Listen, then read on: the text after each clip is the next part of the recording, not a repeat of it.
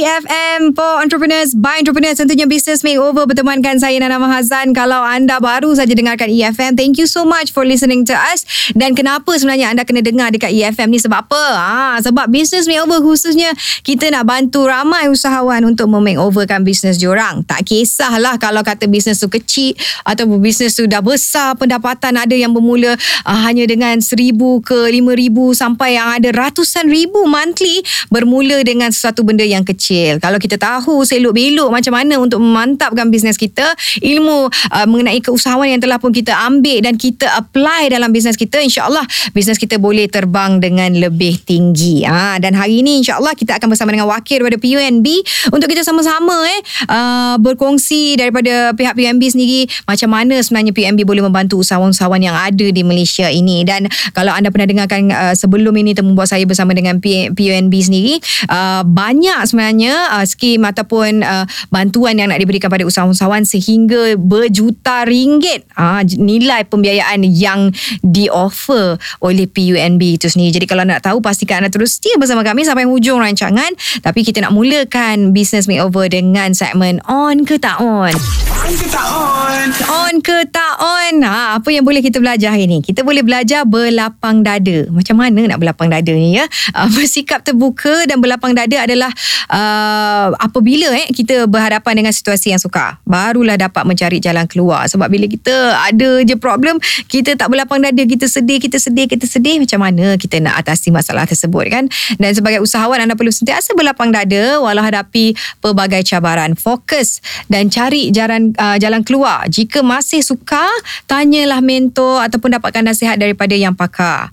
Jadi, on ke tak on? Nak berlapang dada selalu ni? Mestilah on. Okey, kita akan ke segmen tips penarik. Tips menarik. Tips penarik. Macam mana sebenarnya kita nak tarik pelanggan kita melalui pembacaan mereka? Kita kena fokus. Okey, tujuan utama pelanggan ke website ataupun ke laman sosial kita adalah untuk membeli. Okey, elakkan gangguan seperti perlu mendaftar sebelum membeli, terlalu banyak langkah-langkah yang perlu diikuti sebelum membeli. Ah, ini juga akan mematahkan niat pelanggan kita untuk membeli lah kan. Jadi buang semua informasi yang tidak berkaitan supaya aktiviti jual beli dapat dilaksanakan. Jadi itulah uh, maksudnya kena fokus. Jangan susahkan uh, pembeli-pembeli kita. Bila dia orang sesusah dia, dia orang akan eject, dia orang akan pergi cari tempat lain untuk membeli.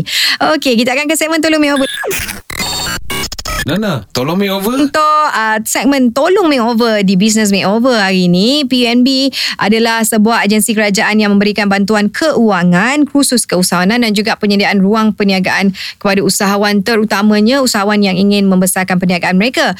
Tetapi sejak kebelakangan ini ada rungutan dari usahawan yang menyatakan permohonan mereka tidak diluluskan dan ada yang tidak mendapat jumlah pinjaman yang diperlukan. Ah, ini menyukarkan mereka untuk membesarkan lagi juga menambah baik bisnes mereka mereka. Tapi mesti ada sebab kenapa sebenarnya uh, ianya tidak uh, berlaku ataupun kenapa tidak dapat di, dilunaskan secara permintaan usahawan-usahawan ni oleh pihak PUNB sendiri. Kita akan dapatkan lebih maklumat dan uh, ada usahawan yang permohonannya ditolak, tidak diluluskan ataupun jumlah uh, pinjaman yang diperlukan tu tak dapat uh, 100% dapat sikit saja. Uh, saya pasti uh, PUNB ada alasan tersendiri mengapa terdapat usahawan-usahawan yang agak suka untuk mendapat bantuan daripada PUNB sendiri. Mereka uh, mungkin tidak menepati syarat-syarat yang ditetapkan ataupun perniagaan mereka tidak berpotensi dan sesuai diberikan bantuan. Apa pun kita akan tanyakan sendirilah eh kepada wakil PUNB uh, mengapa agaknya pihak PUNB begitu ketat dalam uh, pemilihan dan apa alasan mereka uh, terjadinya perkara sebegini. Jadi di segmen cuba try test share Cuba. Try, test, share. Business Makeover di EFM for Entrepreneurs by Entrepreneurs di segmen Cuba Try Test Share uh, bersama dengan Cik Karol Ashraf Yusof, Eksekutif Kanan Unit Pemasaran dan Pembangunan Usahawan Perbadanan Usahawan Nasional Berhad. Sekali lagi untuk hari yang keempat minggu ini kita bersama dengan wakil daripada PUNB. Cik Karol Ashraf hari ini sihat rasanya? Sehat selalu. Mestilah kalau tak sihat tak datang pula hari ni kan sebab apa tau sebab kita nak berkongsi uh, banyak informasi mengenai PUNB uh, untuk bantu usahawan-usahawan. So hari ni kita tak ada bisnes yang nak di makeover kan. Kita nak lebih uh, fokus kepada apa sebenarnya PUNB boleh berikan uh, kepada usahawan-usahawan. Uh, mungkin Cik Karul boleh kongsikan antara skim pembiayaan yang disediakan oleh PUNB. Okey, uh, di bawah kami uh, seperti saya kongsikan se- sebelum ni Mhm. uh, pemilihan yang kita tawarkan di mana uh, untuk industri apa uh, usahawan-usahawan bumi putera yang dalam industri Mhm. perucitan pengedaran PKS perusahaan kecil sederhana eh, ataupun uh, di dalam bidang uh, perkhidmatan hospitality dan sebagainya uh, jadi kita ada sediakan dana pembiayaan bermula minimum 100,000 sehingga ke maksimum 10 juta Hmm, banyaknya. banyak lah tengok pada apa dia punya cadangan uh, pembiayaan je lah Mhm. uh, uh. Hmm, jadi itulah sebenarnya kalau anda rasa anda memerlukan sampai 10 juta, ada ya. Ha, 3 juta pun ada. Apalah sangat. Eh, itu kan. Ini ada orang cakap, usahawan ni ada yang merungut permohonan mereka ni ditolak PNB.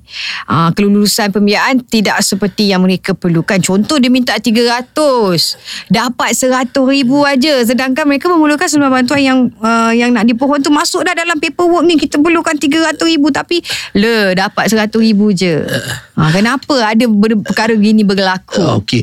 Dia biasanya kalau permohonan ditolak tu, seperti saya beritahu apa yang saya kongsikan sebelum ni, uh-huh.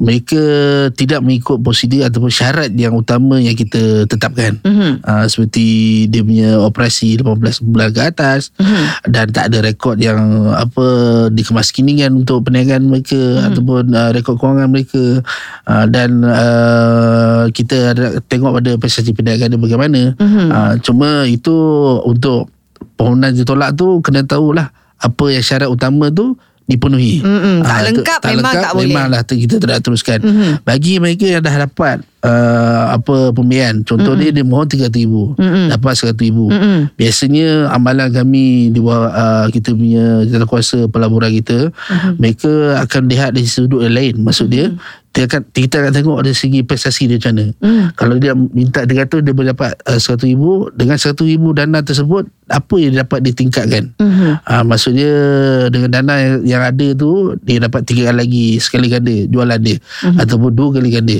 Maksud dia lepas ni kalau dia nak tambahan lagi mm-hmm. ya kita boleh sediakan lagi. Tak ada masalah. Nah, dana mm-hmm. tersebut ah, sehingga mana maksimum dia boleh pergi. Mhm. Ah, jadi kat sini isu dia kalau dia dapat tu tak apa ambil dulu. Mm-mm. Uh, tunjukkan kita punya prestasi tu macam mana kita boleh gunakan dana yang terhad tu untuk kembangkan lagi perniagaan kita. Hmm, Ah, kadang-kadang penilaian daripada pihak PMB tu uh, lebih tepat. Mungkin Ya. dia orang lebih lebih arif lah. Kata sebenarnya kau tak perlu pun 300 ribu Ya, ni. betul. Apakah ada 100 ribu ni uh, dapat banyak ni insyaAllah boleh dapat lagi uh, Ya. pembiayaan dan seterusnya.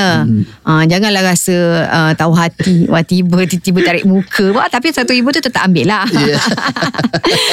Okey. Um, kalau kita nak tengok uh, permohonan untuk diluluskan mengikut keperluan mereka ni apa sebenarnya mereka uh, perlu sediakan untuk memudahkan permohonan tersebut? Ah. Okey, uh, untuk permohonan tersebut seperti saya maklum, Mhm. uh-huh. uh, syarat tu dipenuhi dan satu lagi dalam kertas kerja tu dia kena jelaskan secara orang kata Detail. detail lah. Hmm. Detail tu janganlah orang kata terlalu detail. Maksud dia kita faham hmm. apa yang dana dia nak mohon tu, tu tujuan 2 tahun datang apa yang dia Dia punya projection lah. projection lah. Ha, jagaan dia. Ha, dengan dana tu dia dapat dari segi apa? Jualan dia dapat tingkatkan ke? Dari segi dia punya pasaran tu dapat diluaskan lagi ke? Kalau dalam kata kerja tu dia kena jelas dan faham dan untuk kita nilai tu kita tahu oh dana yang dia mohon ni tujuan untuk apa? Mm-mm. Ha, dan sebagainya. Kadang-kadang usahawan ni Yelah kita faham lah Dia punya perancangan banyak mm-hmm. Tapi kita ada fokus Mm-mm. ha, Fokus untuk 2 tahun ni Apa sebenarnya dia nak Mhm. ha, Dengan dana tu Apa sebenarnya dia nak fokuskan Untuk perniagaan dia Mm-mm. ha, Kat situ lah kita nampak Kita tahulah usahawan ni Banyak idea-idea dia Tapi mm. mana yang paling utama Yang didahulukan Right. ha, Dia kena kat situ Ha, jadi kalau kita lebih clear dengan kita punya projection dan sebagainya mungkin lebih mudah yeah. Untuk mendapat kelulusan. Ha, mungkin menjejaskan uh, permohonan dengan pihak PNB ke macam mana? Dah pinjam tak boleh pinjam dah ke? Ha, pergi agensi tu je tak boleh.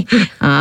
Okey, uh, kalau misalnya kata dia ada isu dengan agensi lain dari segi pembiayaan dan sebagainya. Mm-hmm. Okey, di bawah PMB ni sebenarnya kita tak ada cagaran dan penjamin. Mhm. Cuma cagaran tu yang untuk pembiayaan yang besar. Mm-hmm. Contoh 1 juta atas tu kita ada cakaran kita minta lah Mhm. mm-hmm. biasa minimum mm-hmm. tapi untuk kami pula amalan kami pula kita ada apa kata apa siasatan wajah maksud Mhm. kita akan semak di segi dia punya latar belakang perniagaan dia Mhm. dari segi perniagaan tu dah lama kita ada kita punya siasatan tu dan dan untuk usahawan pula kita tengok dari segi dia punya apa secret report dia ataupun Mhm. dia punya risiko kewangan pada diri dia untuk uh, dia ada ambil Secara personal pun dicek juga eh. Betul kita tengok. Ah. Ah. Jadi untuk usahawan kalau misal katanya dia ada isu dengan apa pembiayaan uh, atau pinjaman daripada agensi lain, Mhm. ya kat situ kita boleh tengok Mhm. dan kita boleh kenal pasti dan kat situ juga kita akan ya nasihatkan dia orang lah. Mhm. Kalau boleh contoh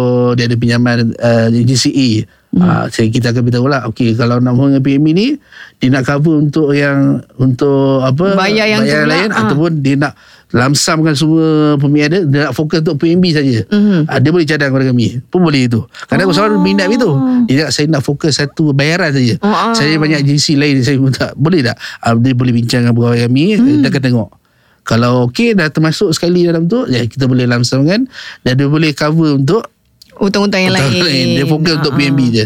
Okey, tapi maksudnya masih lagi boleh uh, pihak PNB consider lah untuk memberikan pinjaman walaupun dia ada masalah uh, dalam pembayaran di agensi. Kita tengok pada dia punya senario dan apa keadaan dia lah. Ah, betapa serius ataupun tidak. Ya, betul. Ha, kalau besok dia kau kena declare bankrupt, tak dapat lah. Ha, tak Okey. boleh lah macam tu. Ya, ha, yang tu yang penting semua boleh bincang. Tak ada masalah.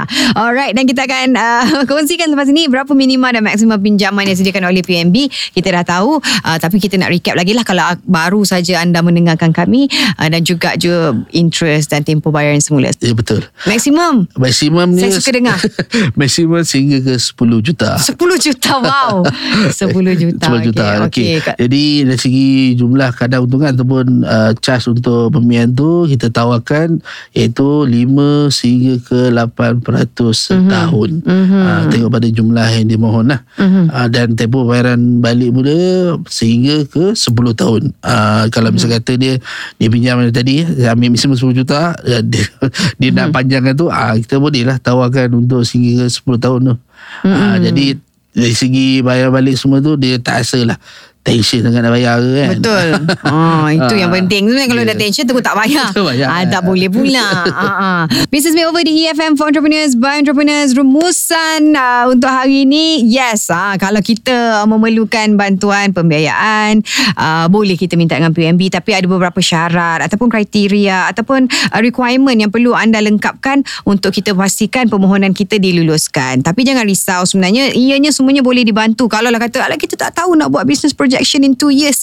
I tak pernah buat, buat paperwork ni. Ha, macam mana kan? Jangan risau. Uh, pegawai PNB uh, sedia membantu. Uh, mungkin ada template lah kan? Uh, ataupun macam mana sebenarnya kita nak buat a very good business proposal. Uh, ketah kerja kita supaya uh, permohonan kita senang diluluskan. Semuanya kenalah jumpa dengan mereka. Okay?